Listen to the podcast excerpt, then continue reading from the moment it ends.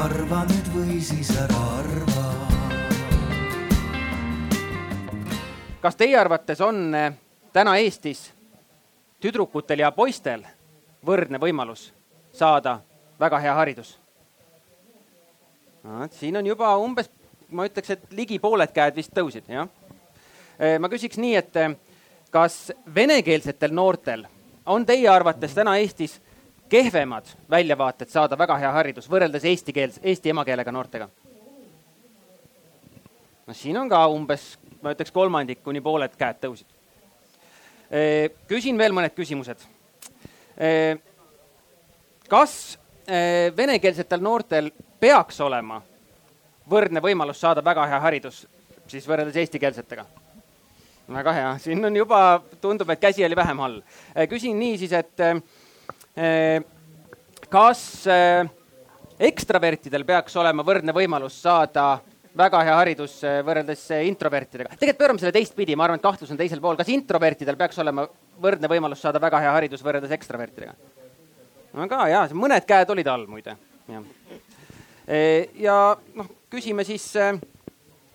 küsime siis nüüd meie ekspertide käest, et äh,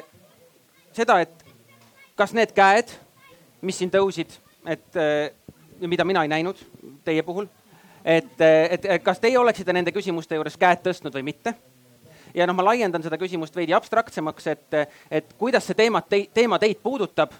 ja, ja kus on teie arvatus, teie arvates praegu Eestis haridusliku ebavõrdsuse suurim väljakutse või suurim probleem? ja ma ei tea, ma annaksin sõna Aunele kõigepealt. Aitäh, väga huvitavad äh, käed, käe tõstmised, äh, et äh,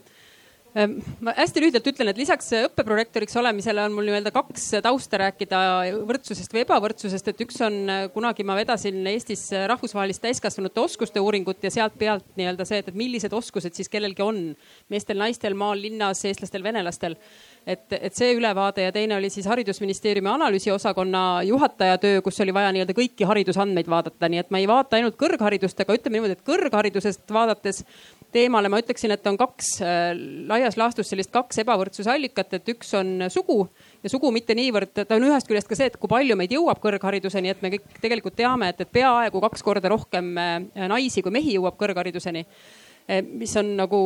noh, ütleme Läti on veel hullem, ega veel väga palju, Soome on umbes meiega sarnases olukorras, aga, aga, aga teisi riike selles, sellises pildis ei ole. ja kõrghariduse poolelt teine mure on ikkagi nagu erialade jaotus, et, et meil on haridus ja tervis, kus on selgelt väga ja liiga suur naiste osakaal ja siis on veel mõned eh, tehnikaalad, kus on naisi liiga vähe nii et, et see nii-öelda erialade ebavõrdsuse teema on sooteema kindlasti ja, ja see sooteema on tegelikult meil nagu läbivalt erinevates haridustasemetes. kui väga laia pilti vaadata, siis eh, mehed Eestis õpivad ühe aasta vähem kui naised eh, ja kas see on nagu hea hariduse küsimus, et võib-olla nad saavad kuidagi parema hariduse selle ühe aasta lühema õppimisega aga, aga tervikuna nii-öelda suurt pilti vaadates on ikkagi sooteema, sooteema üks teema. Ja teine teema on kindlasti keeleteema või nii-öelda keelekultuuri teema, et, et see on ka samamoodi kõrgharidusse, me näeme, et, et umbes kaks korda nii vähem eh, venekeelseid noori jõuab kõrgharidusse, kui neid tegelikult nagu eagrupis on ja, ja, ja see ei ole kuidagi läinud paremaks, et, et selles mõttes see on kindlasti, kindlasti üks vaade ja sa, samamoodi see ei ole ainult kõrghariduse probleem, vaid see on ka allapoole täpselt samamoodi nagu meeste-naiste erinevus, et umbes üks aasta vähem õpivad venekeelsed inimesed Eestis kui, kui eestlased. et taas me võime öelda, et kas see on hea hariduse näitaja aga kõrgharidusest veel spetsiifilisemalt, aga me võime sellest lõpupoole rääkida, et, et kellel on kõrghariduses raske, on kindlasti need, kellel on majanduslikud raskused ja need, kellel on erivajadused, et need on nagu noh, sellised paratamatud raskused, aga neil on igal pool raskem kindlasti, eks ole, nii hariduses kui tööl, et see nüüd küsimus sellest, et kas see on nagu haridussüsteemi spetsiifiline probleem või see on nii-öelda kuidagi laiem ühiskondlik probleem, et mõnedel ongi elus keerukam hakkama saada. aga aitäh, sissejuhatuseks vast piisab. jah, no sissejuhatuseks kõlasid siis eh, soo küsimus, eh, keele-kultuuri küsimus eh, ja, ja kolmandaks haridusliku erivajaduse küsimus, et, et Irene, nõustud, on sul midagi lisada, tahad mingi teemaga süvitsi minna? Äh, ja ma kindlasti nõustun Aunega nendes küsimustes. Äh, minu enda taust on siis see, et äh, praegu töötan Integratsiooni Sihtasutuses ehk siis võib-olla kõige lähedasem teema minu jaoks viimastel aastatel on olnud see keele ja kultuuri taustaga mm, õppija teema aga oma suhteliselt lähedases eelmises elus ma töötasin haridusministeeriumis kümme aastat siis üldharidusosakonna juhatajana, kus siis kõik need teemad tegelikult olid ju laual ja, ja võib-olla lisaks sellele, mis Aune ütles, tegelikult mainisid küll selle ära, aga, aga võib-olla Indrek, sina ei toonud nagu, nagu seda välja, on siis see sotsiaalmajandusliku taustaga õppija teema. et äh, me küll oleme PISA uuringute põhjal seal äh, kui ma õigesti mäletan, isegi äkki kõige edukamad äh,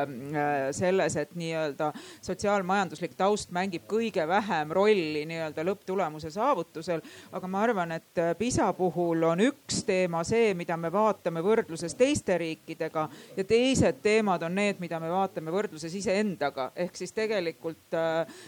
noh, nagu, nagu me teame ka, ka, ka nii-öelda tihtipeale, kui tegemist ei ole tippsportlasega, siis ka spordis on, on, on, on pigem sa ületad vaatad oma eilset tulemust kui, kui äh, naabrist sportlase tulemust, et ehk siis me peaksime vaatama iseendale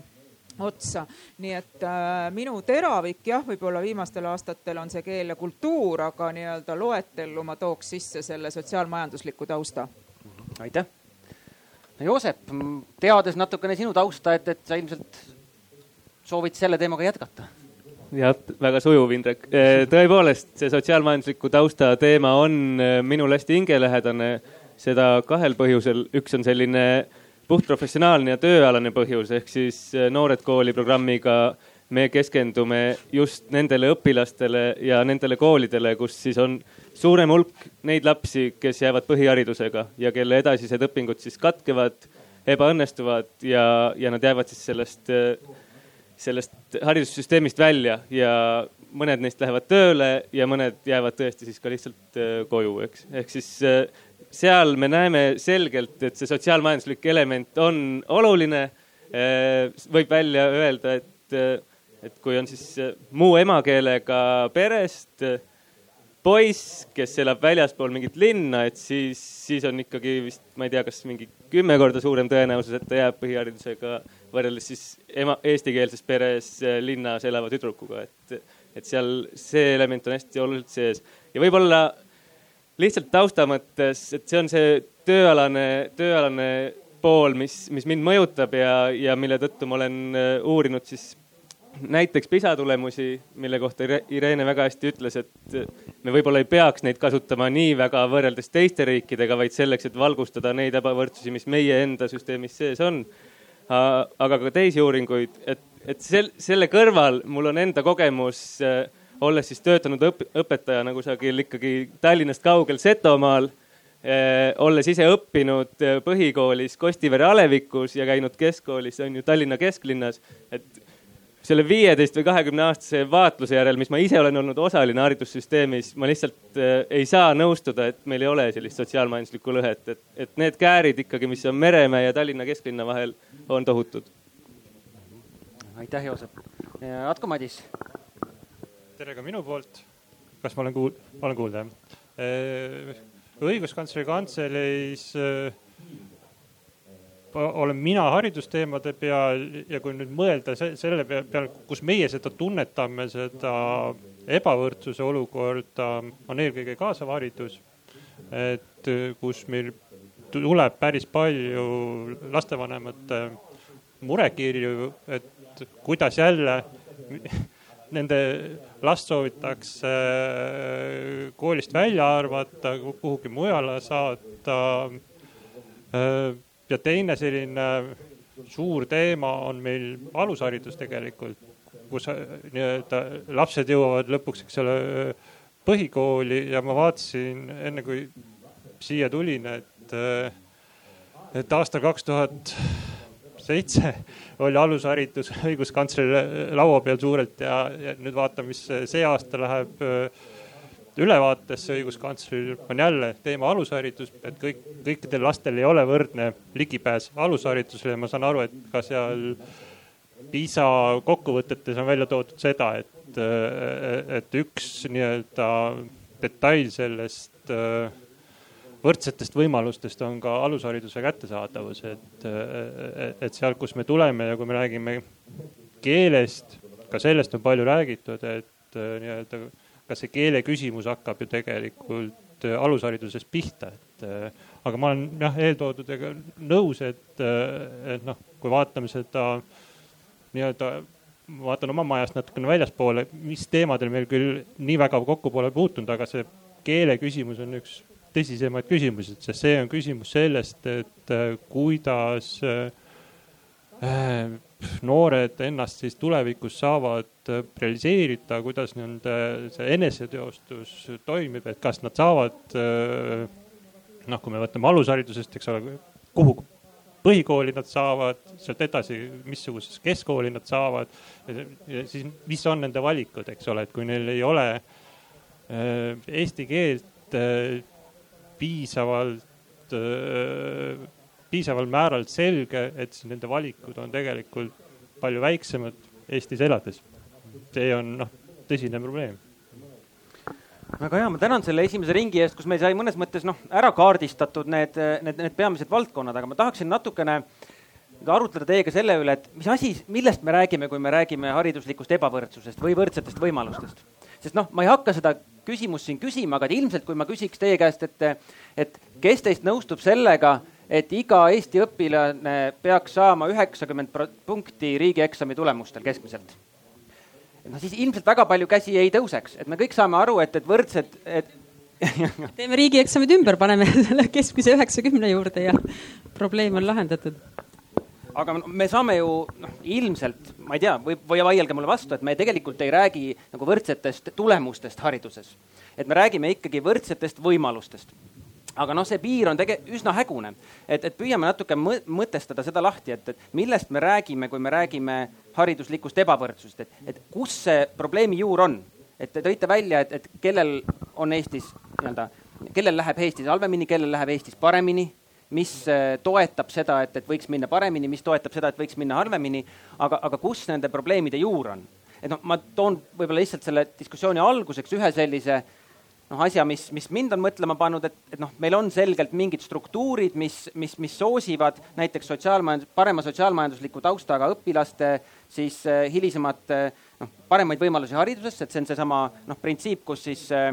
kas sotsiaalteadustes on see Matteuse printsiip vist, et see, kus noh, rikkus, rikkad saavad järjest rikkamaks ja vaesed jäävad järjest vaesemaks, et, et kui meil on äh, sisseastumiskatsetega esimesed klassid kuhu suurema tõenäosusega saavad sisse need, kellel on oma lapsi võimalik panna eelkoolidesse, maksta eelkoolidest, mõnes mõttes lausa noh, treenida katseteks. ja noh, muidugi pilt on kirju selles mõttes, aga me räägime, räägime keskmiselt. siis, siis sedasorti nii-öelda sotsiaalmajandus, parem sotsiaalmajanduslik taust toodab siis ka hilisemaid paremaid äh, võimalusi. noh, sealsamas näiteks Tallinna kesklinnas. aga et mis on veel need kohad, kust see hariduslik ebavõrdsus välja kasvab Eestis? ja, ja millest me räägime, kui me räägime hariduslikust ebavõrdsusest? Aune? ma ei tea, ma jah, teen lihtsalt otsa lahti, et ega see on selline hästi kompleksne küsimus, et, et üks, üks asi, mis, mis Eestis välja paistab, on see, et, et, et noh, kui me räägime maa ja linna erinevustest, mis kindlasti on äh, algselt olemas, et kui me võrdleme maakoolide, maakoolis õppinud õpilaste tulemusi kui nad jäävad maale või kui nad lähevad edasi väikelinna, aga ei tule suurlinna gümnaasiumi, et mis nende tulemus siis on, et siis see jääbki nõrgemaks kui suurlinna gümnaasiumi õpilaste tulemus riigieksamil. aga kui nad liiguvad edasi, alustavad maakoolist, liiguvad edasi suurlinna, kas Tartu või Tallinna kooli, siis, siis nende tulemused ei erine et Tartus, kusjuures need, kes tulevad Tartusse, need on sageli veel isegi paremad kui need, kes on nii-öelda Tartus algselt õppinud. et need, kes suudavad olla mobiilsed, et need saavad tegelikult Eestis hea hariduse, et võivad tulla maalt, aga, aga saavad lõpuni välja. aga siin on sabas küsimus, eks ole, et, et kes suudavad oma lapsi siis nii-öelda saata linna gümnaasiumisse, et seal on kindlasti mingisugune taustaküsimus, et kõik ei suuda seda teha, olgu majanduslikul põhjusel või, või lihtsalt ei, ei ole nii-öelda sellist vanemate tõuget või lükket, et see oleks vajalik et äh, teine teema, kui me räägime näiteks soolisest erinevusest, et siis, siis, siis tõenäoliselt on Eesti koolisüsteemis midagi või koolikultuuris midagi, mis, mis nii-öelda ei on, soodustab tüdrukute õppimist, et, et üks, mida on näidatud, on, et sooliselt on, et, et, et tüdrukud ei lähe nii palju kambavaimuga kaasa, et tüdrukud võivad ka sellises nii-öelda, kuidas öelda, õppimist vähe soosiva kultuuriga koolis olla siiski tublid, nii-öelda pingutada ja tahta saada viisi. aga kool, poisid lähevad rohkem selle kambavaimuga kaasa, et poisid siis, kui on nii-öelda õppimiskallakuga kool saavad häid tulemusi ja kui on selline noh, nii-öelda ma ei tea, päti, pätima kallakuga kool, siis, siis poisid lähevad selle kallakuga rohkem kaasa. et ses mõttes see, see nii-öelda kultuuri küsimus mõjutab poisse rohkem. aga need on nagu hästi sellised spetsiifilised teemad, et noh, et öelda laia pintsliga nagu öelda, et, et kuidas seda parandada, eks ole, et, et noh, ideaalis on kõik õppimiskallakuga koolid et äh, ma tuleks nüüd siis oma leivanumbri juurde ehk siis keel ja kultuur ja, ja siin ma lööks võib-olla kahte erinevasse lahku selle, selle küsimuse. et äh, esimene oleks siis õpilase positsioonist lähtuvalt, ehk siis äh, kui sa ja, ja sinna tuleb see sotsiaalmajanduslik taust kohe hästi juurde. et, äh, et noh, tegelikult ma arvan, et need kõik küsimused ongi väga komplekssed, eks ju, et, et nii nagu Joosep ütles, et, et, et poiss maakoolist ja mis seal veel vene, vene emakeelega, eks ju. et, et ja, ja kus seal siis see kõige tugevam lüli on, eks ju, kui ta pärast jääb äh, põhihariduse tasemele ainult, eks ju, et noh, kes siis seda teab, et seda tuleb siis iga, igal individuaalsel juhul ise vaadata. aga noh, ongi see, et tegelikult, kui me räägime vene kodukeelega õpilasest, siis on äh, suurem tõenäosus ka see, et ta on nõrgemast sotsiaalmajanduslikust taustast. et ta on natuke isoleeritud või segregeeritud kultuuriruumist Eesti ühiskonna mõttes. et ta on natukene teisest äh, inforuumist ehk siis, äh, ehk siis ta tuleb sinna lasteaeda või kooli. ta tuleb juba pisut nagu teistsuguse teistsuguse taustaga, kuna äsja ilmunud integratsiooni monitooringus me näeme ju seda töölõhet täiskasvanud eestikeelse ja venekeelse elanikkonna vahet. me näeme palgalõhet, et eestikeelsed inimesed saavad keskeltläbi viisteist protsenti äh, kõrgemat äh, töötasu kui äh, venekeelse taustaga inimesed. me näeme seda enesehinnangu ja eneseväärtustamise küsimust ehk siis seda pealehakkamist või ka seda sisemist tunnetust, et mind on siin vaja, mind väärtustatakse siin sellisega, sellisena nagu me oleme. ja me teame ju kõik, kust lapsed tulevad, lapsed tulevad oma kodudest, tulevad nende väärtushinnangutega, tulevad sellest keskkonnast. ehk siis see on üks pool ja nüüd teine pool on see kool ise, kuhu see laps tuleb. isegi kui tal ei ole seda nii-öelda nagu ma enne omavahelises jutus ütlesin, seda seljakotti, eks ju, kus on see nõrgem sotsiaalmajanduslik taust, teine kultuuriruum, inforuum ruum, nii edasi, nii edasi, isegi kui ta tuleb nagu äh, eestikeelse lapsega võrdse seljakotiga ja tuleb sellesse koolikeskkonda, mis tegelikult ei loo talle seda keskkonda ja siin ma ei räägi jälle ainult keelekeskkonnast, sest me teame ju PISA testi tulemusena ka, et see küsimus ei ole ainult keeles kahjuks. et küsimus on laiemas äh, sellises õpikeskkonnas, äh, võib-olla mingites hariduse küsimuste väärtustamises, et mis siis on see, et noh, kas peab olema see üheksakümmend palli riigieksamil. ma arvan, et äh, vene koolide taustal on tihtipeale see just on nii, et, et hea haridus on siis, kui sul on üheksakümmend palli ja pluss äh, riigieksami tulemustel ja eestikeelses koolis muutub see minu arvates küll marginaalsemaks järjest, eks ju. tore on, kui sul on see üheksakümmend pluss, aga see ei ole haridussüsteemi ainukene eesmärk, vaid sul on haridus haridussüsteemis väga palju muid asju. See on aktiivõppemeetodid, see on äh, sellise loovuse arendamine, see on iseseisva mõtlemine arendamine, see on see, et sa oled paindlik, kui sa elus satud mingisugusesse olukorda, kus sa enne pole olnud täiesti ootamatult ja nii edasi ja nii edasi. kogu see haridus nagu laiemas aspektis. et ma siiski arvan, et kahjuks vene õppekeelega kool ja ma üldse ei armasta üldistamist, sest meil on kindlasti väga häid vene õppekeelega koole ja kindlasti on ka eesti õppekeelega koolides, koole, kellel on sama, sama probleem, aga, aga siiski, kui nii-öelda keskmiselt vaadata kõiki neid uuringuid, siis kahjuks seal see, see, see erisus äh, on. Nii et, nii et jah, ma tooksin nagu kaks aspekti sisse selle ebavõrdsuse koha pealt. üks on see nii-öelda kodust tulemise taust, kus on need taustad, see seljakott kaasas ja teine on siis see keskkond, kuhu see laps satub õppima tulles. ja kui me siin lahenduste juurde pärast jõuame, siis seda, seda teist on kindlasti üldiselt kergem. Ma arvan, mu see ei ole tegelikult üldse kerge, aga, aga, aga tundub olevat väheke kergem muuta kui võib-olla seda esimest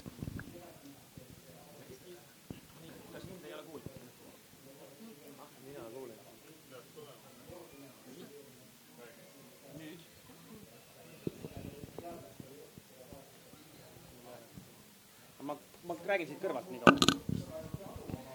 Eh, aga Joosep, ma küsin su käest nii kaua küsimuse ära. panin siia, et äh, sa rääkisid, alustasid äh, või põhi, selgitasid lahti seda sotsiaalmajandusliku tausta mõju ja, hariduse tegelikult siis nagu lõpptulemusele ja sellele, et mis, mis inimesele eluteele, eluteele kaasa tuleb, et et nagu Irene mainis, et ega sellega on ju lõpuks keeruline midagi peale hakata või, või, või mis sa näed, et, et kas suuremad sotsiaaltoetused on nagu ainus, ainus meede või on siin ikkagi või on siin ikkagi midagi, mida me saame ka näiteks haridussüsteemi äh, vaatest paremini teha?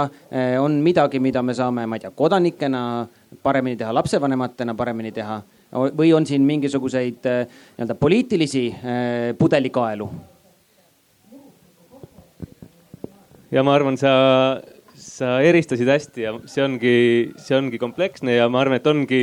kaks sellist erinevat äh, küsimust, et üks on tõesti, et mida me niimoodi kuidagi sotsiaalpoliitiliselt saame teha ja teine on, et mida me siis selles haridussüsteemis saame teha ja no eks seda haridussüsteemi saab siis veel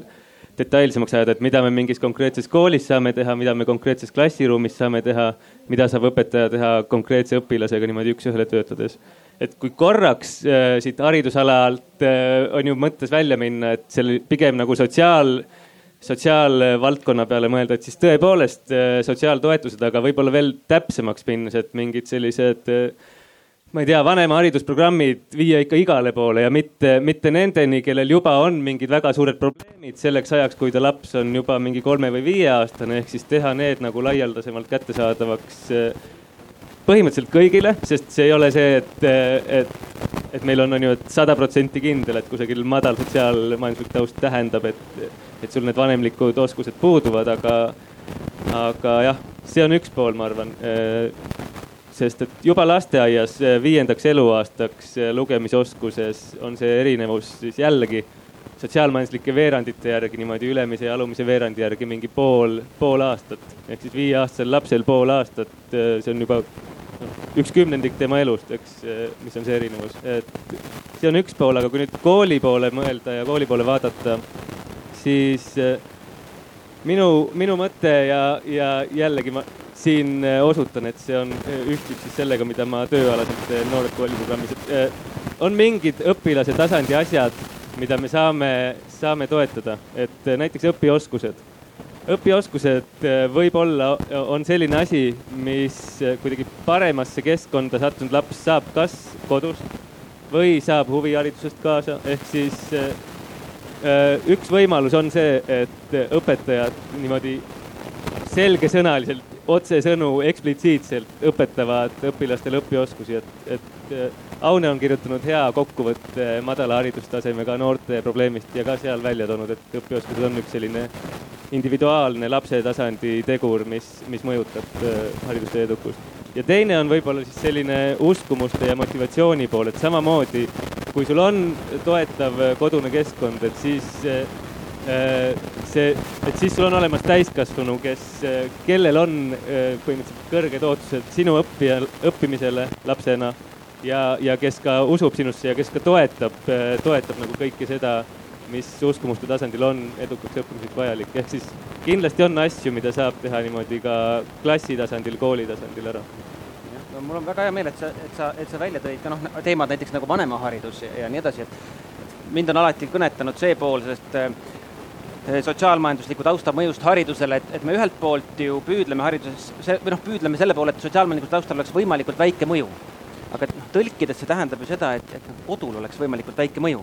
ehk siis me oleme süsteemina võtnud järjest rohkem kodu vastutust traditsioon, päris traditsioonilised asjad, et praegu tundub täiesti normaalne, et me õpetame koolis äh, lastele, et, et kuidas viisakalt tere öelda koridoris ja, ja kuidas noh, mõnikord ka noa ja kahvliga süüa ja kõiki ja, ja noh, ma ei tea, liikumisharjumused, toitumisharjumused, paljud teemad, mis üsna hiljuti olid veel nagu täielikult kodu kanda. ja, ja see on selles mõttes muidugi ju noh, hästi positiivne protsess, et me püüamegi seda hariduslikku võrdsust selle kaudu luua, aga teistpidi, et me oleme haridussüsteemina võtnud järjest rohkem enda kanda ja noh, siit üks asi, mida kindlasti nii-öelda haridustöötajad tunnevad, et mis on hästi tugevalt nende kanda ja mis on, mis on võib-olla selline noh, isegi võib-olla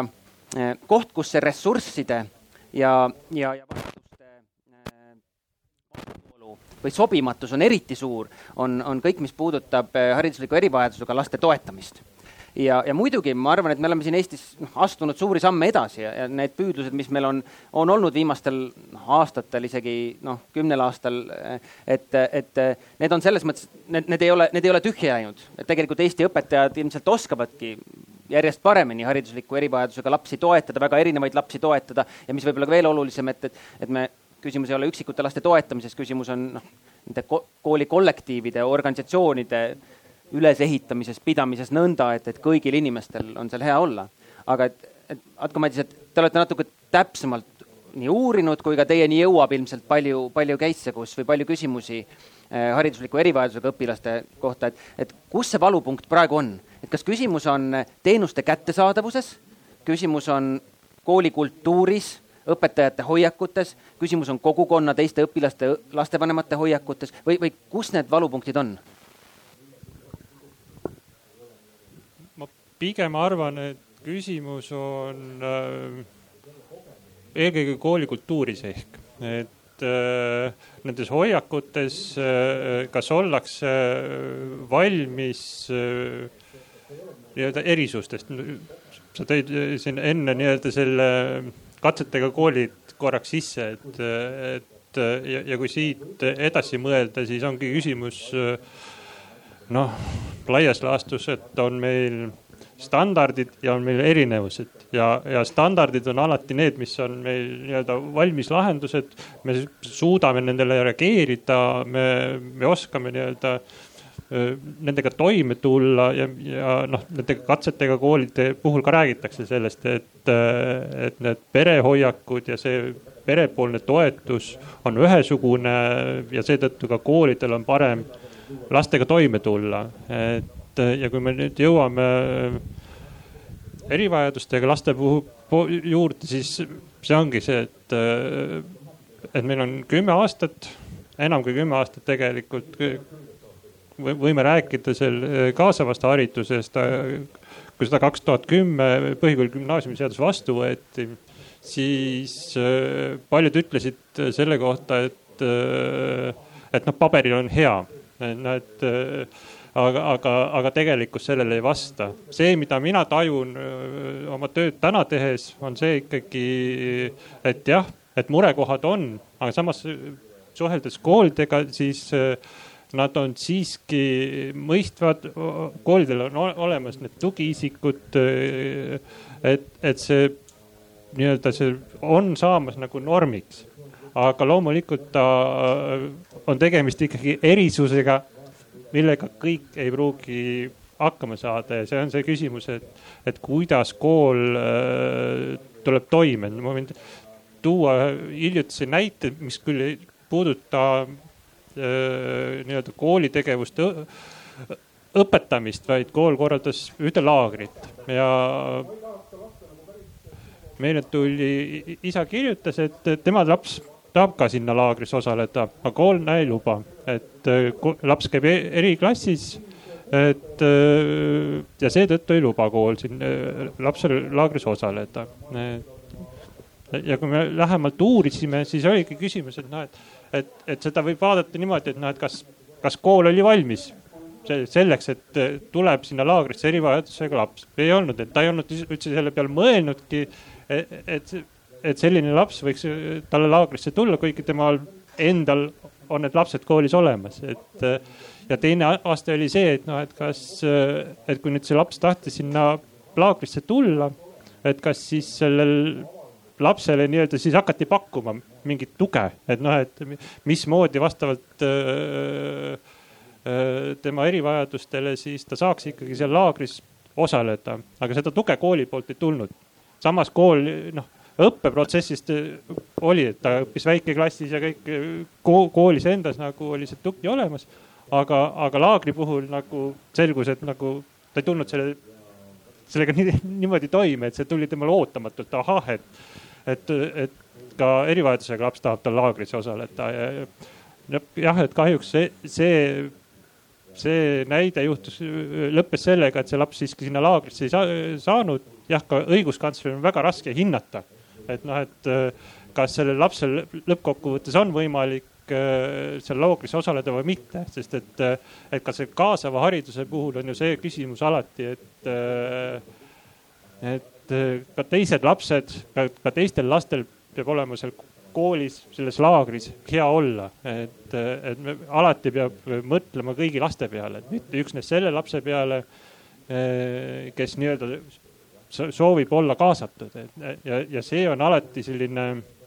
konfliktsituatsioon, et ja seda noh,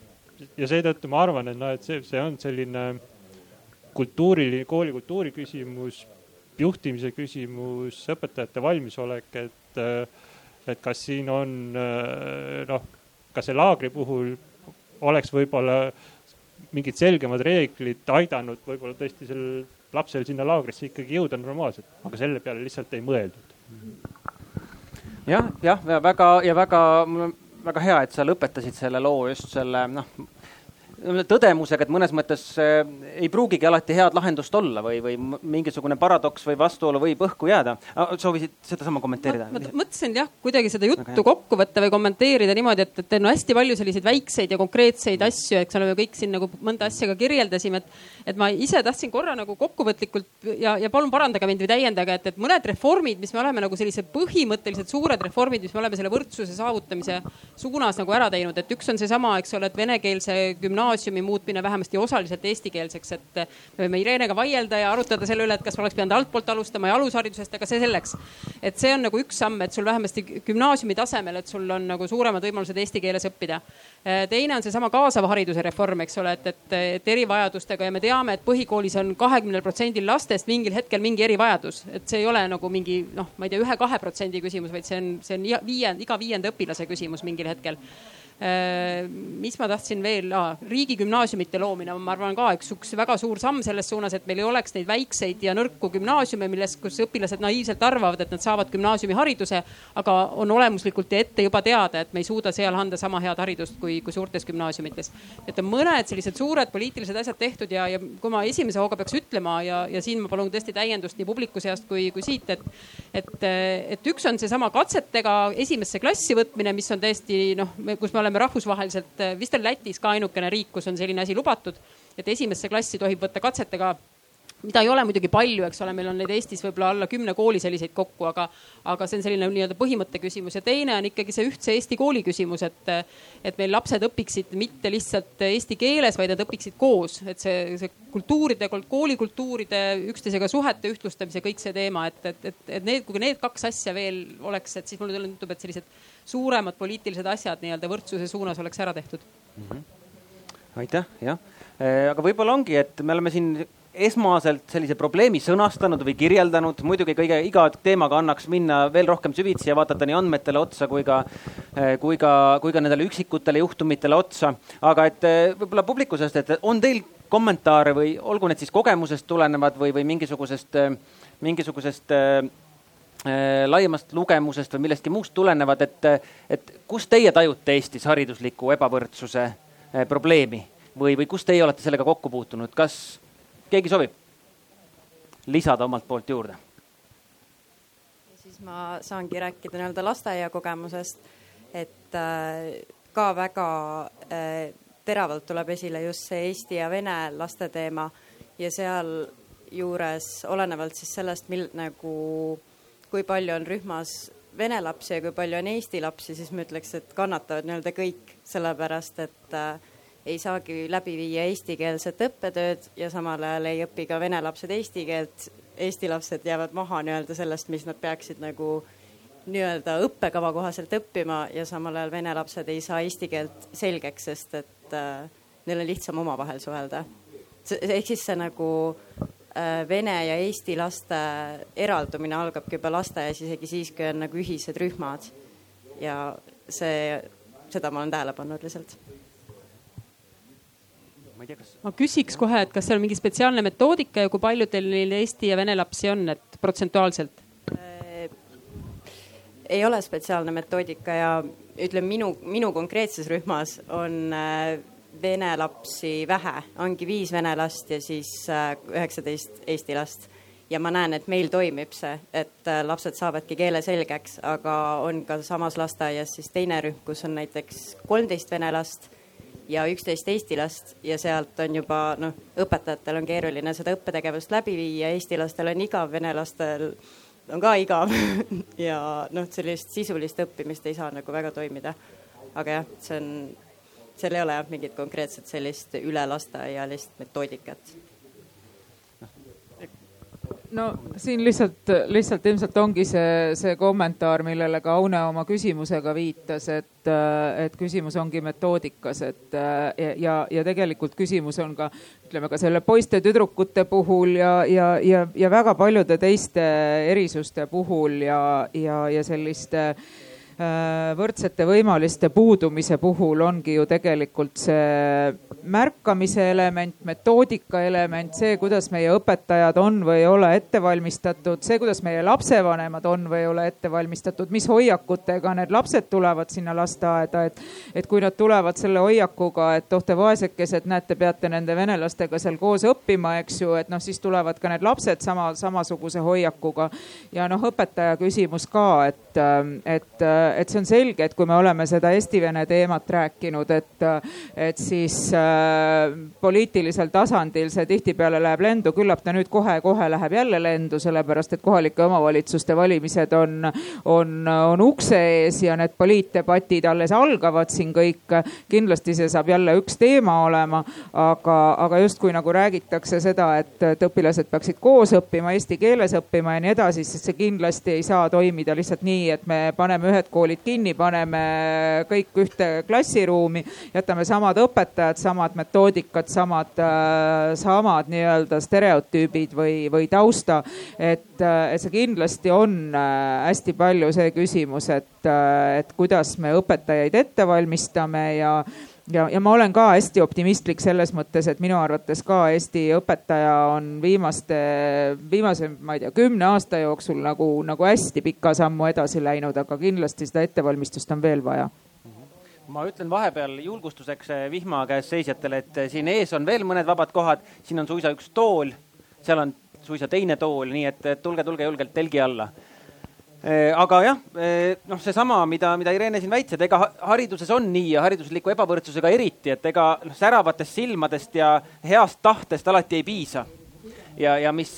mis veel segasem, et need haridusküsimused nagu enamik haridusküsimused on nii komplekssed, et ei olegi kunagi ühte sellist kontekstist sõltuva, sõltumatut lahendust. et, et noh, ma arvan, et küsimused olid väga õigustatud, et, et noh, mitu last, mis on õpetajate nii-öelda mingisugune pedagoog, pedagoogi, pedagoogilised valikud ja nii edasi ja nii edasi. et, et väga ja, ja nendele asjadele, mis meie siin probleemina täna sõnastamise, sõnastasime, ei ole ammugi ühte selget lahendust et mul on ettepanek, et enne kui me siiski püüame mingeid lahendusi, olgu siis poliitiliselt tasandilt, ma ei tea, kodaniku tasandilt, lapsevanema, koolijuhi, õpet-, õpilase tasandilt, miks mitte ka õpilase enda tasandilt eh, sõnastama hakata, et eh, arutleme natuke selle üle, et mis need realistlikud sihid meil olla võiks, sest noh, see on mõnes mõttes ju paratamatu, et mingisugune ebavõrdsus jääb hariduses alati. et inimesed noh, kipuvad ikka kihistuma, olgu siis ma ei tea, motivatsiooni ja ükskõik, kas sellel motivatsiooni taga on mingid objektiivsed tegurid või mitte. Motivatsiooni või, või juhuse või, või perekondliku tausta või, või kultuurikeskkonna või, või selle konkre konkreetse kooli mõjul. et see kihistumine alati toimub ja see erinevad tulemused on paratamatud. et mis see realistlik siht on te võite, võime selle tiiru teha nõnda, et, et, et te võite jääda selle nii-öelda oma fookuse juurde, aga võite, võite julgelt ka kommenteerida neid, neid teisi fookusi. et kuhu me võiks jõuda, mis me võiks sihiks seada? et ma ei tea, äkki alustame, Atko Madis, seekord siitpoolt, et, et, et kui me räägime haridusliku erivajadusega õpilasest eh, tänases ja, ja homses Eesti koolis, et eh, mis see on, kuhu me võiks jõuda? sest noh, selge on see, et see on, see on see paratamatus ja mõnes mõttes ka bioloogiline paratamatus, et, et kõigil õpilastel, kõigil õpilastel see lõpptulemus ei, ei saa sama olla ja ei peagi olema sama. see on selline raske küsimus, et noh, et noh, see, kuhu me võiksime jõuda, on see, et noh, et kõigil laps, lastel tegelikult oleks koolis hea olla. et noh, et tegelikult see ei puuduta üksnes äh, hariduslikke erivajadusi, see ei, see ei sõltu soost, see ei sõltu vanusest. äh, noh, tegelikult noh, minu jaoks on see üldisem küsimus, et noh, et lapsel peab olema koolis hea, et äh, sealhulgas äh, ka lastel, kes vajab, vajavad tuge ja nii nagu ma ennem ütlesin, noh, et, et lapsed, kes vajavad äh, tuge, nad on nii-öelda see erilahendusega lapsed. ja, ja seal on paratamatu see, see konfliktolukord ja, ja, ja, ja siis ongi see, et noh, et kuhu, kuhu me võiksime jõuda, on see, et noh, et seda konfliktolukorda ei ole, et me, me suudaksime koolikeskkonnas äh, äh, toime tulla nende erisustega rahulikul moel. see, see teema on emotsionaalne nii lastevanemate poolt kooli poolt. See ei puuduta ainult ühte last. kuigi seal ühes klassis võibki olla ainult üks erivajadus, see puudutab kõiki ühesõnaga, et selline noh see, mida mina näen, on, on pigem selline hea koostoime, rahumeelsele tulemusele orienteeritud lähenemine. Et see on see pilt. Mhm. ühesõnaga, et, et, et, et igalühel oleks, oleks koolis hea olla ja., jah ja ma mõnes mõttes ma, ma, ma, minu käest oleks küsitud, ma oleks midagi sarnast ilmselt vastanud, aga, aga mulle kohe tuleb siia kõrvale sama PISA kaks tuhat kaks kaheksateist tulemused, et kuna poiste tulemused on keskmisest madalamad eh,, aga näiteks poiste hulgas selline üldine, vist oli seal mitte kooliga rahulolu, vaid eluga rahulolu oli kõrgem ehk siis noh, need asjad, rahulolu ja, ja eh, õpitulemused, mis paratamatult mõjutavad näiteks ka edasist õppimist ja, ja, ja kõrg, noh näiteks kõrghariduse või, või no üldse järgmise haridustaseme omandamist ja, ja sealhulgas ka siis edasist eh, sotsiaalmajanduslikku eh, toimetulekut, et need ei seostu alati rahuloluga koolis. nii et, nii et ma siiski ootan peale selle rahulolu teemaga ka teisi kommentaare, aga väga hea. Joosep, kuidas? Väga nurjatu küsimus minu arust, et kui, kui praegu on siis eh, sotsiaalmajandusliku tausta mõju poolteist eh, õppeaastat üheksa aasta jooksul, et kus siis oleks see, kus ma võiksin nagu rahul olla sellega, et et, et kui pool aastat oleks, et kas siis oleks, oleks hea või, või mis, et ei, niipidi ma sellesse lõksu ma ei lange, et enne ma pole rahul, kui lapsest endast sõltumatute tegurite mõju on null, seni, seni me võitleme. aga äh, kui praktilisemaks minna, siis võib-olla vaataks äh, hästi praktilise vastuse saad, et võib-olla Eesti võiks olla siis see riik, kus on kõige rohkem vähemalt keskhariduseni jõudnud noori. et praegu me oleme Euroopas kusagil seitsmeteistkümnendad ja viiendik noortest ikkagi jääb keskhariduseta. et võib-olla see on nagu üks hästi praktiline eesmärk ja siht ja koht väga-väga selge vastus, aga ma, ma siiski natukene siin nagu noh, norin või selles mõttes, et provotseerin, et, et kuskilt läheb ju ometi piir kus me seda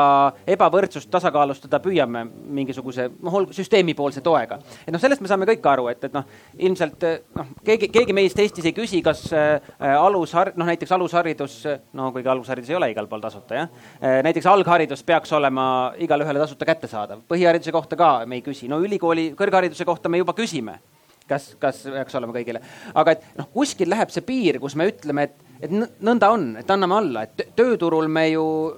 seda, seda, neid tugimehhanisme enam nii palju ei loo, kui me loome näiteks põhikoolis. et, et kas sinu jaoks see piir lähebki siis seal no ütleme, et keskhariduse juures või siis noh, põhikoolile järgneva harid, haridusastme juures?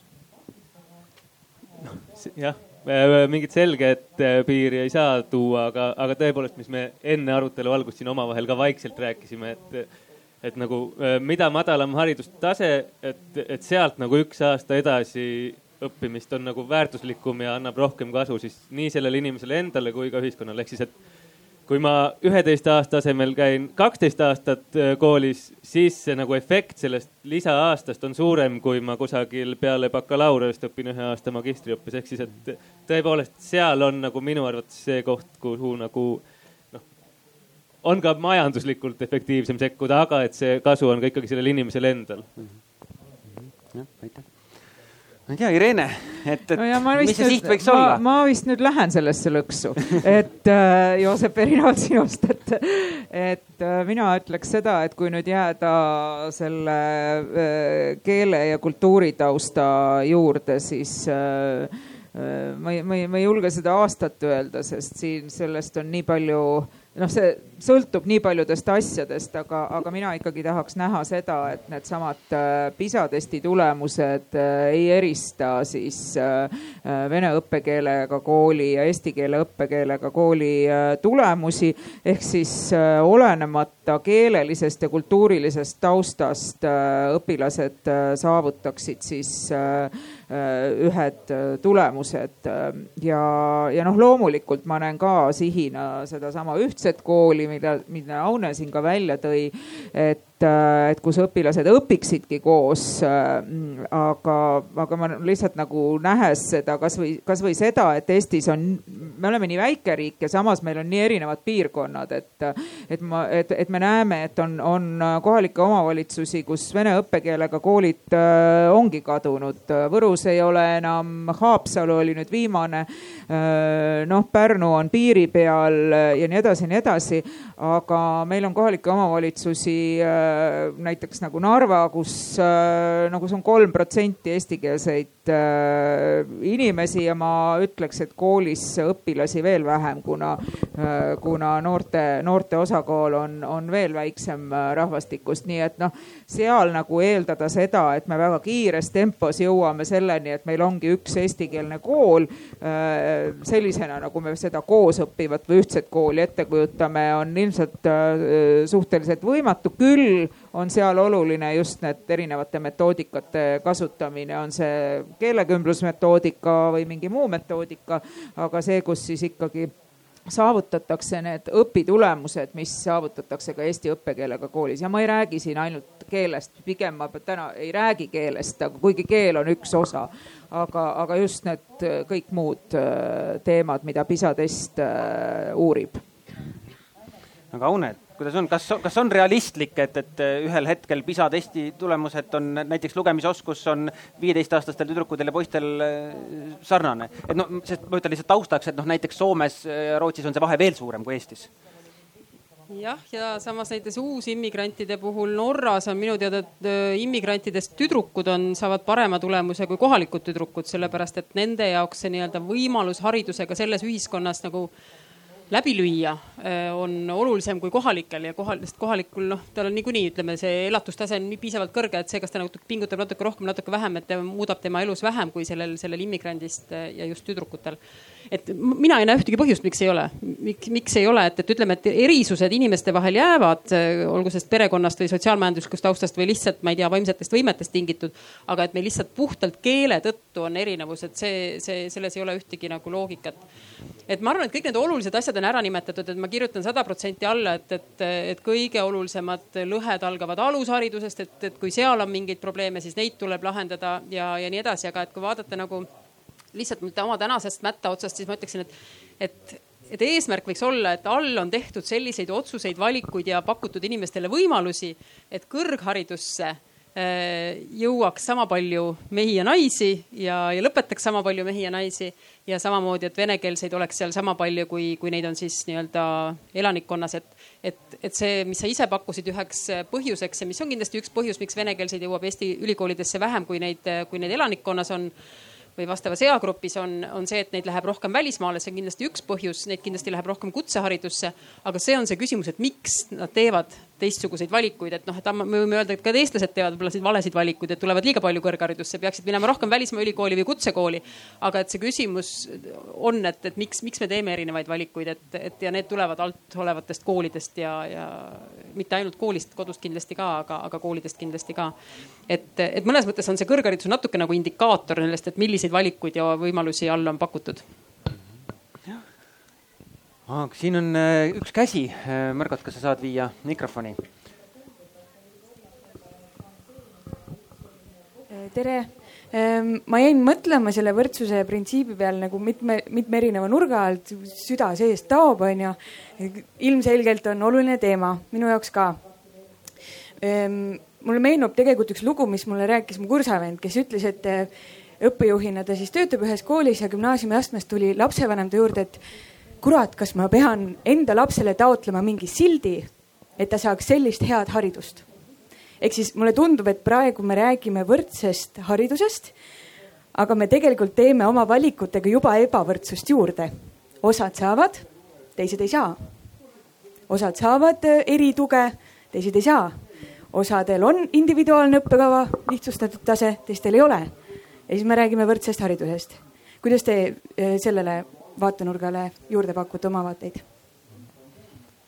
kas see tunnetus oli siis see, et, et keegi, kellel on äh, erivajadusi, kelle vanem on siis kuidagi taodelnud, saab nii-öelda paremat tuge kui tema laps, kellel on ka see erivajadus või, või tema lapsel tegelikult ei olnud erivajadust. aga noh, eks see ongi see võrdsus ju selles, et äh, jah, et mitte, mitte see, et, et kõigil on äh, võrdsed võimalused, vaid et selles mõttes võrdsed võimalused, et me kõigile pakume sama asja vaid see, kes vajab rohkem tuge, see saab ka rohkem tuge, et eks see sellesse ju see võrdsuse printsiip ju seisnebki, et. aga muidugi noh, ma arvan, et, et seda vaidlust, mida noh, siin täna ei ole publiku seast tulnud, aga, aga noh, alati kui erivajadustest ja kaasavast haridusest on jutt, see on ju see, et, et, et seda aju on väga sageli selles, et, et, et selle all siis see nii-öelda tavaline laps kannatab. et tema saab vastavalt siis vähem tähelepanu, et, et tema jaoks muutub see haridus nii-öelda nagu ebavõrdsemaks, et, et tema, tema haridus muutub kehvemaks, et eks see on nagu see kõige, kõige sagedasem ju vastuargument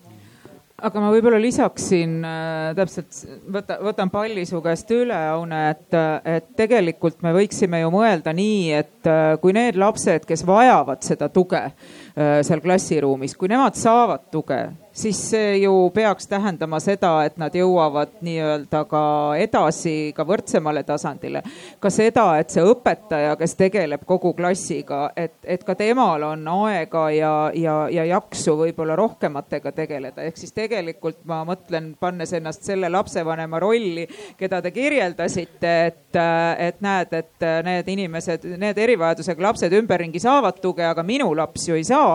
Et et, äh, et noh, tegelikult läbi selle erivajadusega lapse toe saab ju tuge ka see laps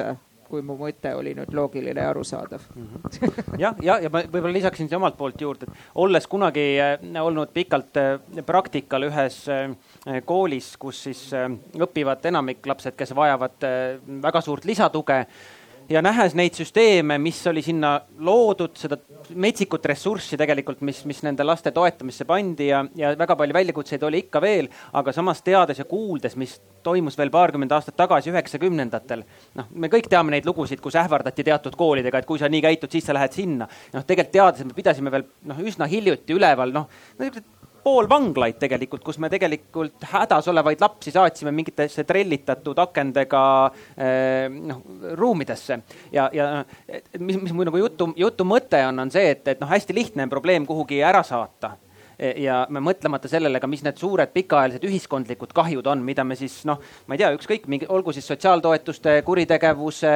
e, e, vaimse tervise väljakutsete ja kõige-kõigega noh, ka isegi majanduslikult kinni maksame. et kõik et noh, lihtne on nii-öelda probleem silma alt ära saada ja, ja, ja näha selles lahendust. aga Aune, soovisid? hästi, tead kahe lausega lihtsalt, et ma arvan, et see on nagu üks viis mõelda sellest võrdsusest ongi niimoodi, et, et me noh, jääme selle poole ju püüdlema, et me noh, me kõik ju saame aru, et sada protsenti ei suuda ja, ja ei ole võimalik, aga et, et mis on need ühiskondlikult kõige kallimad ebavõrdsused. ja üks nendest on kindlasti seesama venekeelsuse teema, et kus meil nagu nii suur hulk inimesi, kellel on kõik vaimsed võimed ennast realiseerida Eestis, otsustavad minna välismaale, otsustavad mitte minna kõrgkooli, otsustavad jätta, ma ei tea, gümnaasiumi või, või põhihariduse pooleli. et see on nagu ühiskond ühiskondlikult, mitte individuaalselt, üksi individuaalne kahju on seal ka, eks ole, aga, aga ühiskondlikult lihtsalt väga kallid otsused on need, mis me oleme jätnud tegemata.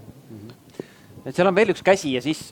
siis me liigumegi edasi selle, selle küsimuse juurde, et, et mida siis teha, ole lahke. ja tere, aitäh. E, minu küsimus on kohe sellesama e, välismaale mineku poole, et et minu tutvusringkonnas e, hästi palju venekeelseid, nad ei tule lihtsalt Eesti ülikoolidesse. See, et nad äh, ei tule Eesti ülikoolidesse, ei tähenda, et nad ei saa hakkama. Saavad väga hästi hakkama, et ma, minu küsimus on, kui palju on selle kohta statistikat tehtud, et peale keskkooli äramineku, noh, keskkooli lõpetamist lähevad need muukeelsed ja siis meie Eesti puhul siis suurem osa venekeelseid välismaale õppima. et äh, me praegu ei tohiks tuua siia seda statistikat, et venekeelne inimene ei saa Eesti ülikooli sisse ta ei tulegi siia õige ja, ja ma ei, ma isegi ei tahtnud öelda seda, et ta ei saa sisse, vaid et ma lihtsalt tõdesin seda fakti, et neid jõuab vähem. aga mis põhjusel jõuab vähem, on üks põhjus on see, et, et neid läheb oluliselt rohkem peale põhikooli kutseharidusse ja kutsehariduse kaudu jõutakse vähem kõrgharidusse. ja teine põhjus on välismaale minek. ma ei tea head statistikat, sest tegelikult meil me ei, me saame jälgida seda nii-öelda, ma ei hakka siin seletama, see on metoodiliselt natuke keeruline, aga ütleme läbi haigekassa, need, kes taotlevad haigekassa toetust, neid me näeme, kes on välismaa kõrgkoolidesse läinud ja, ja siis on nagu natuke OECD riigid vahetavad, aga umbes kaheksa protsenti Eesti õpilastest läheb välismaale õppima või gümnaasiumi lõpetanutest aga, aga venekeelsetest peaks neid olema tõenäoliselt neli-viis korda rohkem võrreldes eestikeelsetega, et selle kaheksa protsendi sees on väga suur erinevus, et, et üks Praxise uuring, aga see on nüüd küll juba vist kaheksa aastat vana, näitas, et gümnaasiumi lõpetanute hulgas konkreetsed plaanid olid vist kas kuuel või seitsmel protsendil eestlastest ja üle kolmekümnel protsendil venekeelsetest minna välismaale, et mitte lihtsalt, et kunagi võib olla, vaid et konkreetselt ma tahan sügisel minna. Nendest muidugi suur osa siiski lõpuks ei läinud aga, aga see erinevus on väga-väga suur, et ja, ja, ja see ei ole nende, nende konkreetselt isiklik probleem, vaid see on Eesti ühiskonna probleem, et meie jaoks need tõenäoliselt, suure tõenäosusega osa neist vähemasti on kadunud. Jah, aga nüüd ma arvan, et ongi õige aeg, et me oleme probleemi sõnastanud,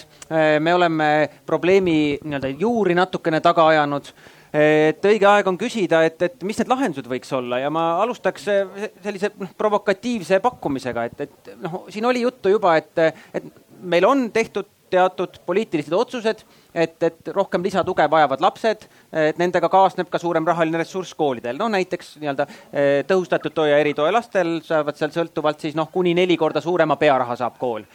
provokatiivse küsimusega alustaks, et kas eh, näiteks poistega peaks ka Eestis eh, koolidele suurem pearaha kaasas käima? ja kui ei, et, et, et hakkame siis sellest peale, et, et, et mis need konkreetsed näiteks poliitilise tasandi või ka siis kooli juhtimise, õpetaja, lapsevanema tasandi küsimused võiks olla või lahendused võiks olla sa vaatad minu otsa? no ma vaatan sinu otsa selle poiste suurema pearahaga, jah. jah, ma ei tea, ei ma poistele vist suuremat pearaha ei annaks, et kuigi mul on endal kaks poega ja üks tüdruk, et siis mul lapsed, need kaks poega saaksid siis nii-öelda parema hariduse võib-olla, kui neile, nendega läheks suurem raha kaasa, aga aga ma üks, üks teema, mis ma enne viitasin, oli see kultuuri küsimus, et, et poiste puhul, et kui me räägime nii-öelda valikkoolidest, et siis sinna koolidesse tuleks valida nii-öelda tugevamatesse koolidesse tuleks pigem valida keerukamaid lapsi, eks ole. mitte, mitte see, mida me täna teeme, et me valime sinna nii-öelda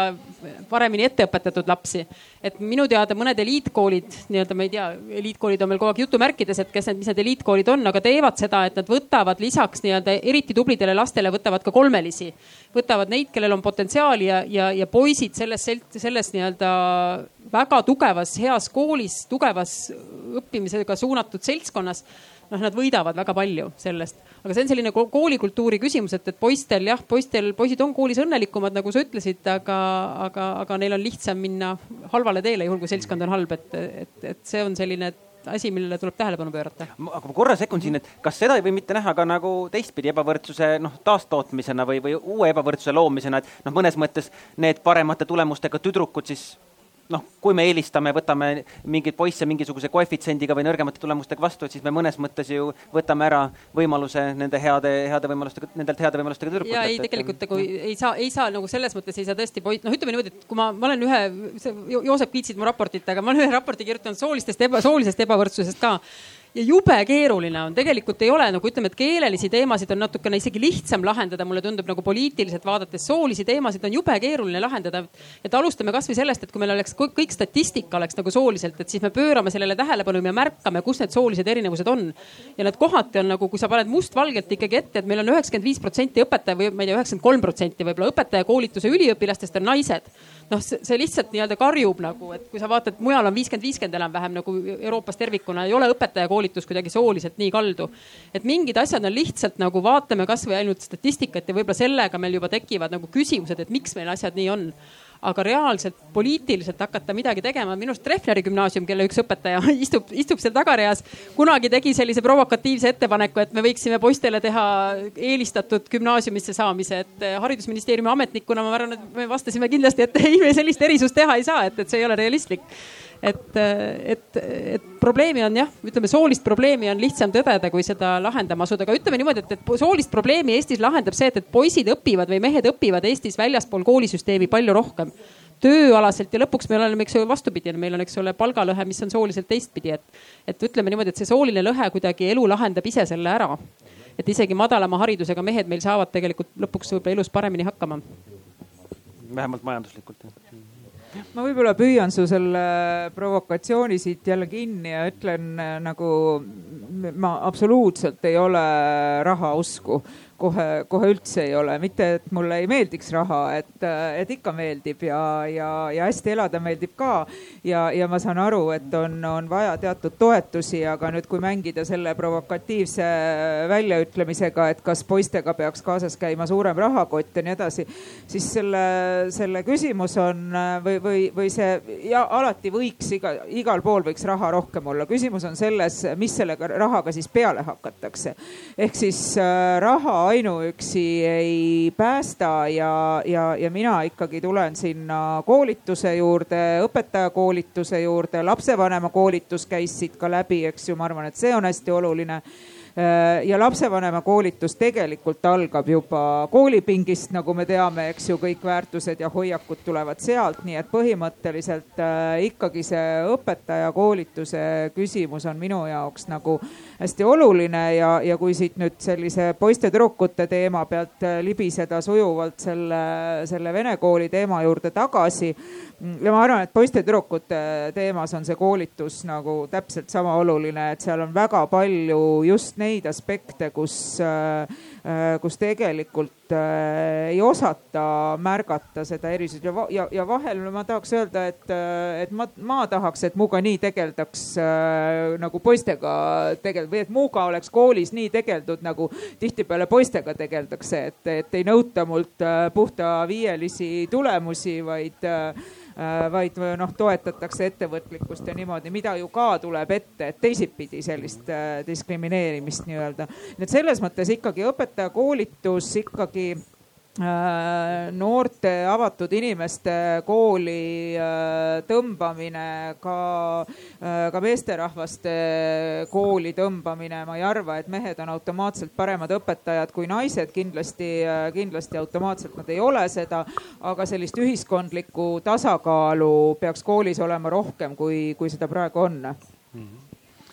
no Joosep, teie tegelete õpetajate kooli tõmbamisega ja ma tean, et te püüate mehi ka leida ja, ja väga hästi ei õnnestu.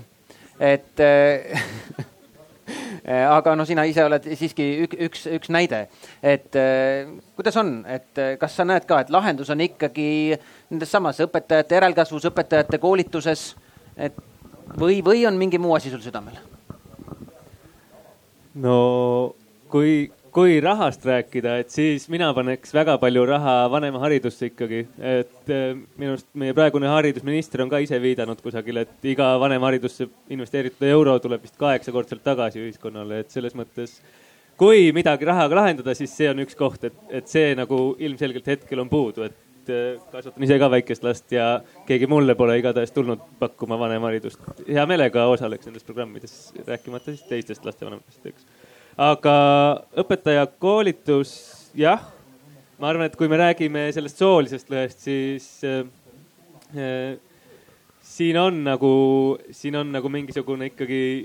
veel üldisem või noh, see on minu, natuke üle minu pea minev teema, aga põhimõtteliselt, et igaüks meist peaks nagu mõtlema, et äh, kas me suhtume nagu äh, kolmeaastasesse poissi ja tüdrukusse nagu sarnaselt ja kui erinevalt me nendesse suhtume ja et siis sealt juba nendest, nendest asjadest, kuidas me julgustame mingit riskide võtmist, kuidas me reageerime vigade tegemisele. et see on selline väga-väga sügav teema, igaüks meist, ma arvan, saab nagu äh,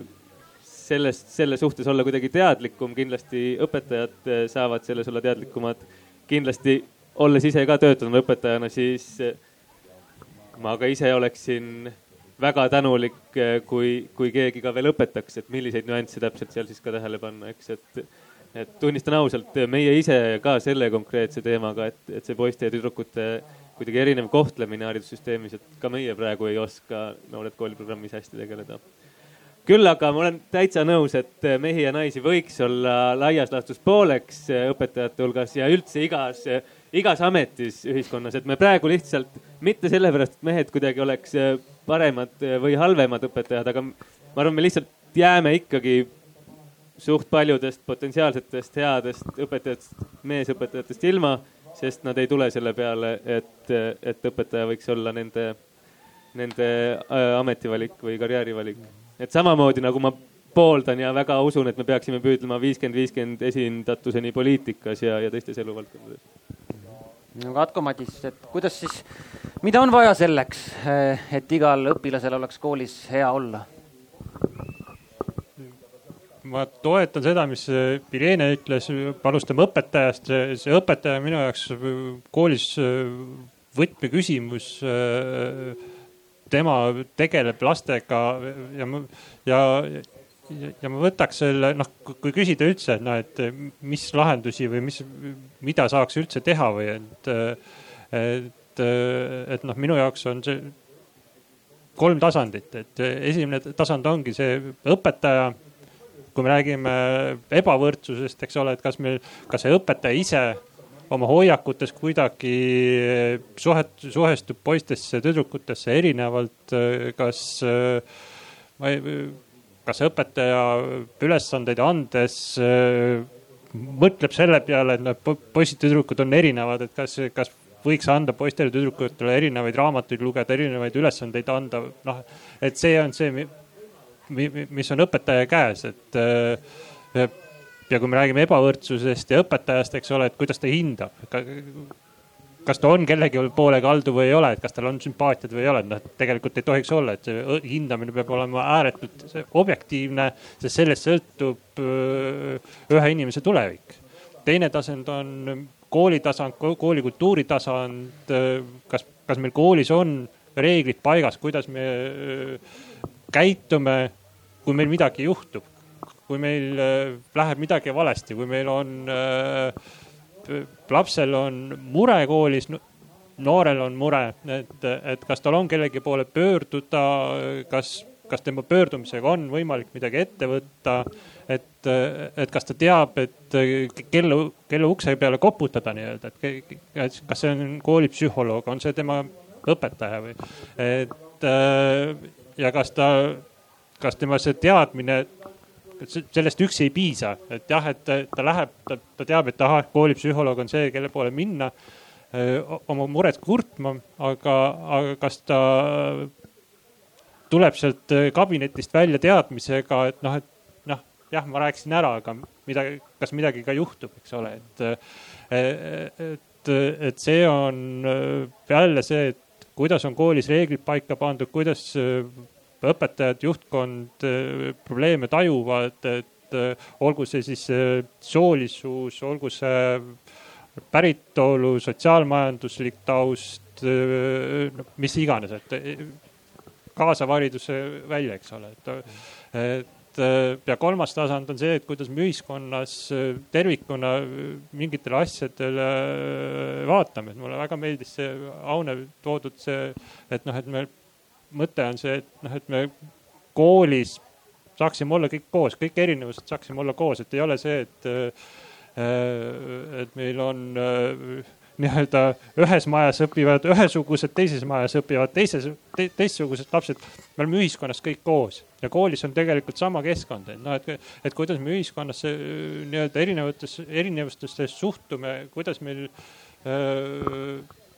suudame noh, see on ka see sallivuse küsimus tegelikult, et kui salliv on ühiskond, et, et ja, ja, ja see kolmas tasand on ka see, et kuidas meil on seadused, normid paika pandud, et kui, kui palju toetame, noh, et, et kui palju on võimalik õpilase, õpetajal õpilase õpilasel pühenduda nii-öelda. See, see küsimus, eks ole, et noh, et nad, toega laps saab rohkem tähelepanu, et, et noh, et mis see siis tähendab, et noh, et kas nii-öelda see laps, kes tal kõrval on, kas tema siis jääb äh, millestki ilma, noh, tegelikult seda ei tohi juhtuda, et, see ongi see, et, et kas äh, meil kehtestatud reeglid, äh, kui me räägime üldharidusest, kas põhikooli gümnaasiumi seaduses, noh, et kas seal noh, kas seal on kõik paigas, eks ole, et kas, kas see toetab seda äh, erinevaid lahendusi või mitte. see on see. aga kohe ma tahakski natuke torkida seda teemat, et kas on mingid poliitilised pudelikaelad ka, et, et, et sest me noh, see ja mõnes mõttes noh see on ju ka loomulik, et me jõuame välja selleni, et lihtsaid lahendusi ei ole ja midagi ei saa täna ära otsustada, esmaspäevast teha radikaalselt teistmoodi ja probleemid lahenevad. et me ikka jõuame sinna, et küsimus on kvaliteetses õpetajas, küsimus on koolikultuuris ja muide see, et küsimus on selles õpetajas, et selleni jõutakse, ma olen kindel, et enamike nende arutelude juures, et ja seda on viimased kõik need Arvamusfestivali aastad jõutud. ma lihtsalt täna ühel arutelul olin ja seal jõuti kohe et see oli, küsimus oli fakti ja, ja arvamuse eristamisest ja, ja, ja valeinformatsioonist, et, et seal jõuti kohe, et õpetaja peab ikka paremini ja. aga, aga siin kõlasid siiski ka konkreetsed ettepanekud, et, et vanemahariduse küsimus, eh, no ühtse Eesti kooli küsimus või noh, küsimus sellest, et, et jah, kuidas, kuidas, kuidas tuua inimesed kokku õppima ja, ja kuidas kujundada, eh, kuidas, kuidas kujundada sellist süsteemi, et eh, igal õpilasel oleks toetav eh, meie nii-öelda moodsa aja vajadustele eh, vastav koolikeskkond, mis siis lubaks õpilasel selle hulgas ka, selle, selle juures ennast ka hästi tunda. aga natukene torgin selle poliitilise, poliitiliste pudelikaelade koha pealt, et kas on midagi, kus on küsimus siiski otsuse taga tean, et see ühtse Eesti kool on kõige suurema otsuse taga ja ma, nii nagu ma ütlesin, ka ühiskondlikult kindlasti kõige mõjukam otsus, et äh, teine, mis ma juba eelpool ka nimetasin, oli see nii-öelda äh, laste valimine või selekteerimine esimesse klassi, et, et see on, võib-olla mõjutab väiksemat arvu Eesti õpilasi kui, kui see ühtse Eesti kooli küsimus, aga see on selline hästi, kuidas öelda, märgiline, märgiline küsimus et äh, noh, ma ei tea, see ei ole kindlasti kõige olulisem küsimus, aga ütleme niimoodi, et, et viimase aasta või paari jooksul, eriti siin koroonaga seoses, me pidime koroona teemani ka veel jõudma, et ega koroonaga see teema ja vaimsete äh, probleemidega või muredega seoses oleme kõrghariduses ka jõudnud selleni, et üllatus-üllatusega, et noh, et seni näiteks meil, kui allpool astmetes põhikoolis, gümnaasiumis õpilased, kes veel on erivajadus, äh, siis nende pearaha on kõrgem, siis kõrghariduses seda ei ole. õpilased ise saab või üliõpilased ise, kellel on näiteks, ma ei tea, kuulmispuue, saavad äh, sellist sotsiaaltoetust, et nad saaksid endale tõlgi palgata aga ülikool erivajadusega või ka puuetega üli, üliõpilase õpetamise eest ei saa kuidagi kõrgemat raha. ja meil on täna üle kolme protsendi neid, kellel on kas osaline töövõimetus või puue ja see noh, kolm protsenti on kindlasti noh, mõnes mõttes suhteliselt väike võrreldes siin alumiste astmetega, aga, aga, aga siiski ütleme niimoodi, et see on tõusnud nagu kõrghariduses ka täiendavaks küsimuseks. kindlasti see ei ole Eesti kõige olulisem küsimus, ma ei taha seda nagu selles mõttes lauale tõsta, aga võib-olla uue küsimusena, mida me ülikoolides oleme ise nii-öelda viimastel aastatel näinud ja koroonaga seoses eriti, et, et see vaimse tervise probleemid nendel inimestel, kellel on erivajadus ja kes peavad sellistele kõrgetele ja kõrgetele nõudmistele ja pingutavale keskkonnale, pingutavas keskkonnas hakkama saama ja kui sul ei ole tegelikult mingeid ressursse seal pakkuda täiendavat tuge, talle, sul on kahesajane auditoorium, üks õppejõud, sul ei ole mingit abiõpetajat, mitte kedagi, mingit noh ja ootus on see, et, tehakse individuaalseid erinevusi nendele et eh, noh, jah, lihtsalt uue teemana, mitte et see oleks Eesti kõige olulisem teema. ja, noh, mõnes mõttes on võib-olla see positiiv, noh näide selles mõttes, et, et üha rohkem eh, erivajadusega õpilasi jõuab ülikooli, et, et võib-olla varem nad lihtsalt ei jõudnud, et, et, et, et see teema on laual, et see võib olla ka positiivset trendi näidata. aga eh, tagasi tulles korraks poliitiliste pudelikaelade juurde, näete no... teie midagi? no ikka see ühtse kooli teema on puhas poliitika ja siin, äh, kuna Aune siin vahepeal ütles, et, et võib minuga vaielda või mitte, ma olen täiesti nõus, et oleks pidanud alustama lasteaiast, aga et, et see kuuskümmend, nelikümmend äh, gümnaasiumi astmes oli ju puhas poliitiline otsus, eks ju, ja, ja, ja ma arvan, et, et asi seegi, et, et tehakse mingeid tasemel otsuseid äh, ära, et tegelikult nüüd on ikkagi kergem minna edasi, kuna see üks otsus on tehtud ja, ja see kvaliteet on muidugi väga erinev, mis kuuskümmend, nelikümmend kooliti tähendab, aga põhimõtteliselt see on andnud hüppelaua riigigümnaasiumite tekkeks, kus on koos õpivad ju kõik äh, väga nüüd äh, riigigümnaasiumeid ju ei olegi erinevaid, noh ei saakski olla venekeelne riigigümnaasium, see poleks, poleks võimalik gümnaasiumgi ei ole venekeelne võimalik meil enam. ja,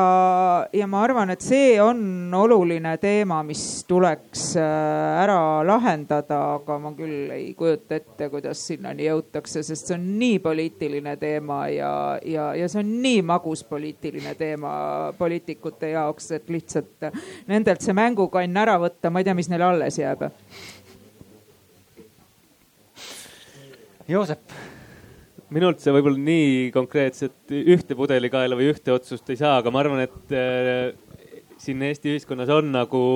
ruumi nihkuda võib-olla ikkagi nagu maailmavaateliselt või Eesti poliitikas on ruumi nihkuda maailmavaateliselt natuke nagu vasakule või natukene sotsiaalsemaks, et me ei, me ei saa nagu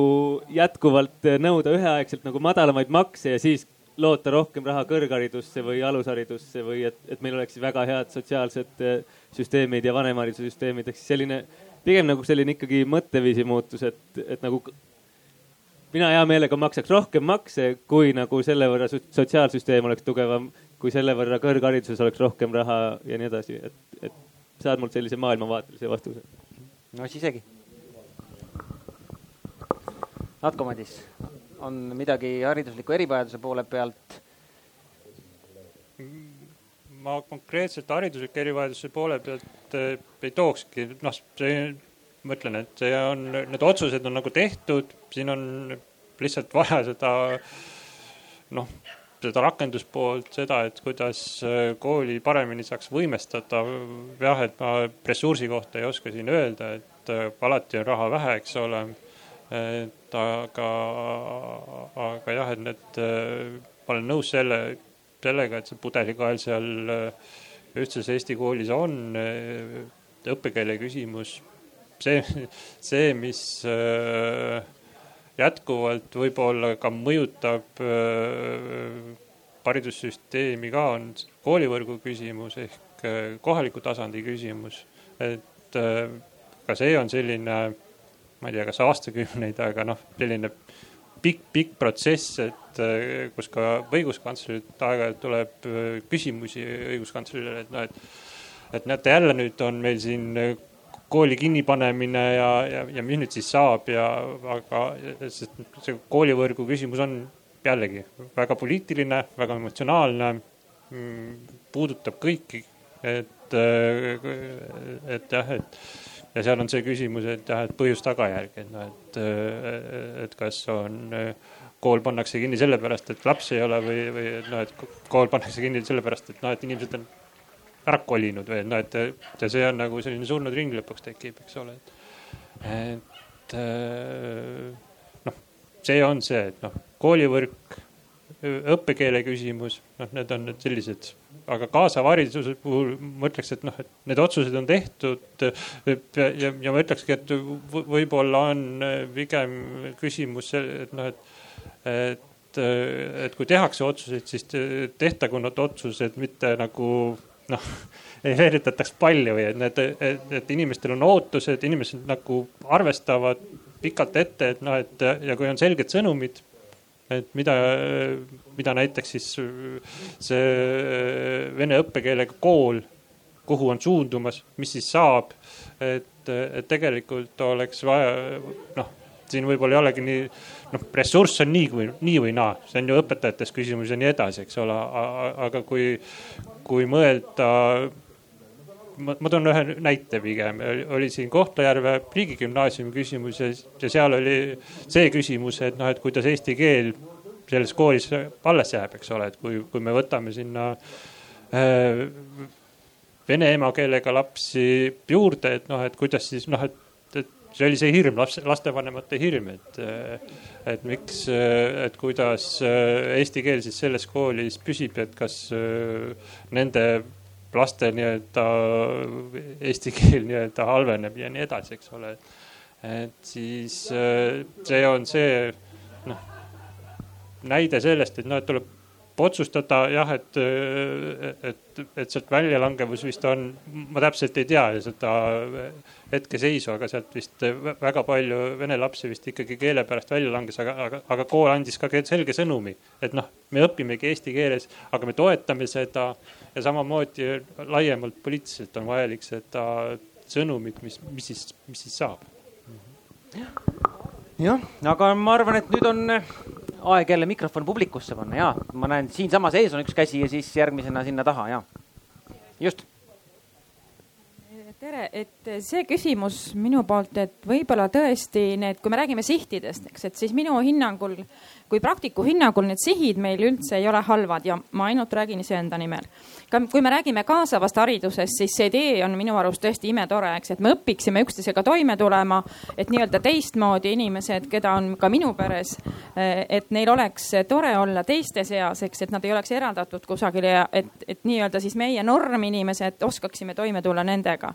samamoodi see ühtse kooli idee, eks, vot väga põnev on lugeda, millised arutelud käivad õpetajate lehes või käisid siis kevadperioodil. et jällegi minu isiklik arvamus see, et see mõte on ju hea, see siht on hea. kus aga on nii-öelda see pudelikael seal tõepoolest, et vähemalt kaasava haridusena mulle tundub haridustöötajate koolitajana ka samas, et see koorem on jäetud praktikute kanda.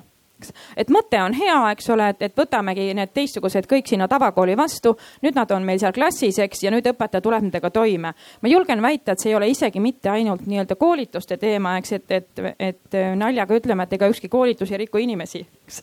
et see on tõesti need koolitused ja see õppemetoodika, millest Irene räägib, see on tõesti nagu üks aspekt, aga võib-olla tõesti, et need sihid, need suured sihid on head ja õiged, aga tuleks neid minisihte sinna vahepeale panna, eks, et selleks, et jõuda selle ideaalse olukorrani, et meil kõigil ongi üksteisega tore, on ju. oled sa suur või väike, paks või peenik, on ju, sakslane või, või ma ei tea, rootslane Eestimaal, eks, et, et vahet pole.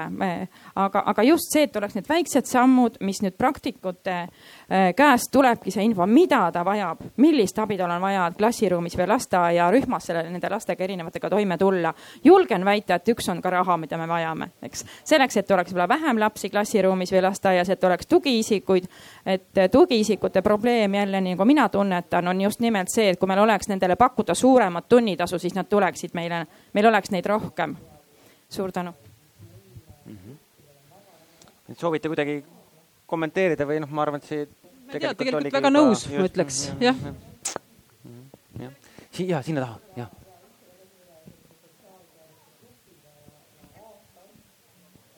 ja aitäh eh, kuna siin juba me rääkisime ka Kohtla-Järve riigigümnaasiumist, siis äh, ma arvan, et sealt tuleb välja üks väga suur probleem, mis meil tegelikult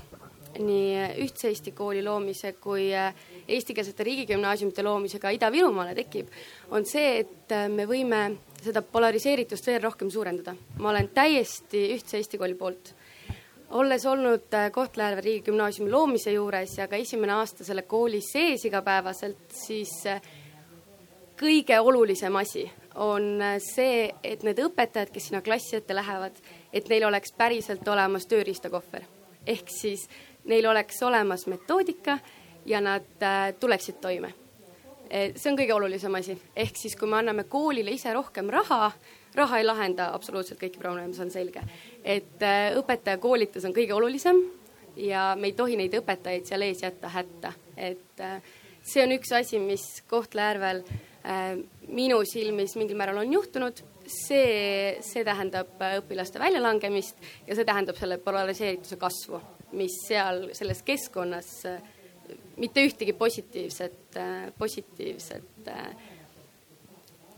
kogemust ei anna mitte kellelegi, ei õpilastele, ei koolipersonalile, ei äh, ühiskonnale üleüldiselt. et minu meelest võtmesõna ühtse Eesti kooli loomise juures on ikkagi metoodika ja tööriistakohver seni, kui see mikrofon liigub äh, Oti juurde sinna või ma ei tea, kuidas, et, et ma lihtsalt täidan selle augu, ma olen hästi nõus ka selle laiendusega, et see koolitus ei ole mitte ainult üksi see koolitus, vaid ka see, et seda õpetajat ei jäeta pärast üksi, et tal on ka pärast seda, kui ta on selle koolituse kätte saanud, sinna klassiruumi läinud, et tal on see võrgustik, et tal on juhtkonna tugi, et tal on õigus eksida ja need eksimused, äh, nende eksimuste baasil õpitakse, mitte nende eksimuste baasil ei, ei põtkita välja, et sa oled nõrk või saamatu ja, ja jälle ei saanud hakkama. vabandust, Ott ei ole midagi, Irene äh,. minu küsimus tegelikult võib-olla tulebki siit, mis siin vahepeal arutelu, arutelus ka läbi käis, just see, et kuidas me oleme tegelikult ühiskonnana integreerunud, mitte lihtsalt see, et kuidas me oleme eestlased, venelased integreerunud, kuidas me oleme mehed-naised integreerunud, kuidas me oleme erinevad sotsiaalmajanduslikud taustad integreerunud. ja võib-olla ongi just, et minu küsimus on see, et kas äh, võib-olla see lõplik integratsioon, mis me ühiskonnas saavutame, ongi selle kogu tervikliku haridussüsteemi üks paremaid selliseid edumõõdikuid, mis meil võiks olla et meil on praegu ju PISA tulemused, mis iseenesest on noh, see on ju vahekokkuvõte see on põhikooli lõpp, et see on see, et enam-vähem, et okei okay,, et siit siia meil viieteistaastased on jõudnud, mis saab edasi et äh, kui palju on meil õpe, kuidas on meil õpetajate seas meeste-naiste tasakaal, kuidas meil on äh, erinevatel kõrgepalgalistel ametikohtadel äh, erineva sotsiaalmajandusliku lapsepõlvega inimeste tasakaal, et kuidas see integratsioon saavutada, et kas see võiks hoopis olla see lõplik siht, mida me ühiskonnas küll tervikuna, aga tegelikult haridussüsteemis spetsiifilisemalt sihime. ja noh, kui see on see, et kas me sihime seda täpselt, et oleks fifty-fifty või on selline sixty-forty on selline suhteliselt hea juba. Et see küsimus teile. No vot, ma ei tea, kas see on jälle see koht, et kas te võtate, tahate kinni võtta sellest provokatsioonist või? Ütleme niimoodi, et et olles, äh, ma ei tea, sotsiaalteaduste taustaga ja, ja, ja, ja see viiskümmend, viiskümmend tasakaal kõlab natuke nagu sihuke kommunism, et, et me ütleme niimoodi, et, et väike, väike lõtk ja arvestus sellega, et mõnede inimeste huvid ja, ja võimekused ja soovid ja, ja ühiskondlikud mõjud ja asjad on ikkagi erinevad, et mina sellise nelikümmend, kuuskümmend tasakaaluga mis iganes näitajas. et kui oleks meil õpetaja koolituses näiteks nelikümmend protsenti mehi ja kuuskümmend protsenti naisi ja, ja IKT-s oleks kuuskümmend protsenti mehi ja nelikümmend protsenti naisi, ma oleks väga õnnelik jah, aga nüüd on säärane lugu, et äh, ma usun, et siin on käsi ja mõtteid äh, palju veel. Äh, me peame otsad kokku tõmbama. mul on mõnes mõttes hea meel, et me jõua, jõudsime selle haridusliku ebavõrdsuse ja võrdsete võimaluste aruteluga sinna, et, et lihtsaid lahendusi ei ole. mis mõnes mõttes ütleb, et, et me oleme paljud olulised probleemid ka ära lahendanud või vähemalt lihtsad asjad oleme ära lahendanud ja meie ees ongi need kõige keerulisemad ja, ja komplekssemad. Ehm, ja noh, nõnda ju ongi et paljude teiste riikidega võrreldes meil on palju asju hästi. ja palju asju hästi on eh, ka nüüd aastal kaks tuhat kakskümmend üks, kui oli aastal, ma ei tea, kaks tuhat üks. aga eh, siiski mul on hea meel, et meil on ka üha rohkem seda nüansimeelt eh, märgata neid asju, mis võib-olla esmapilgul oma sellistes arvamusfestivali mullides või,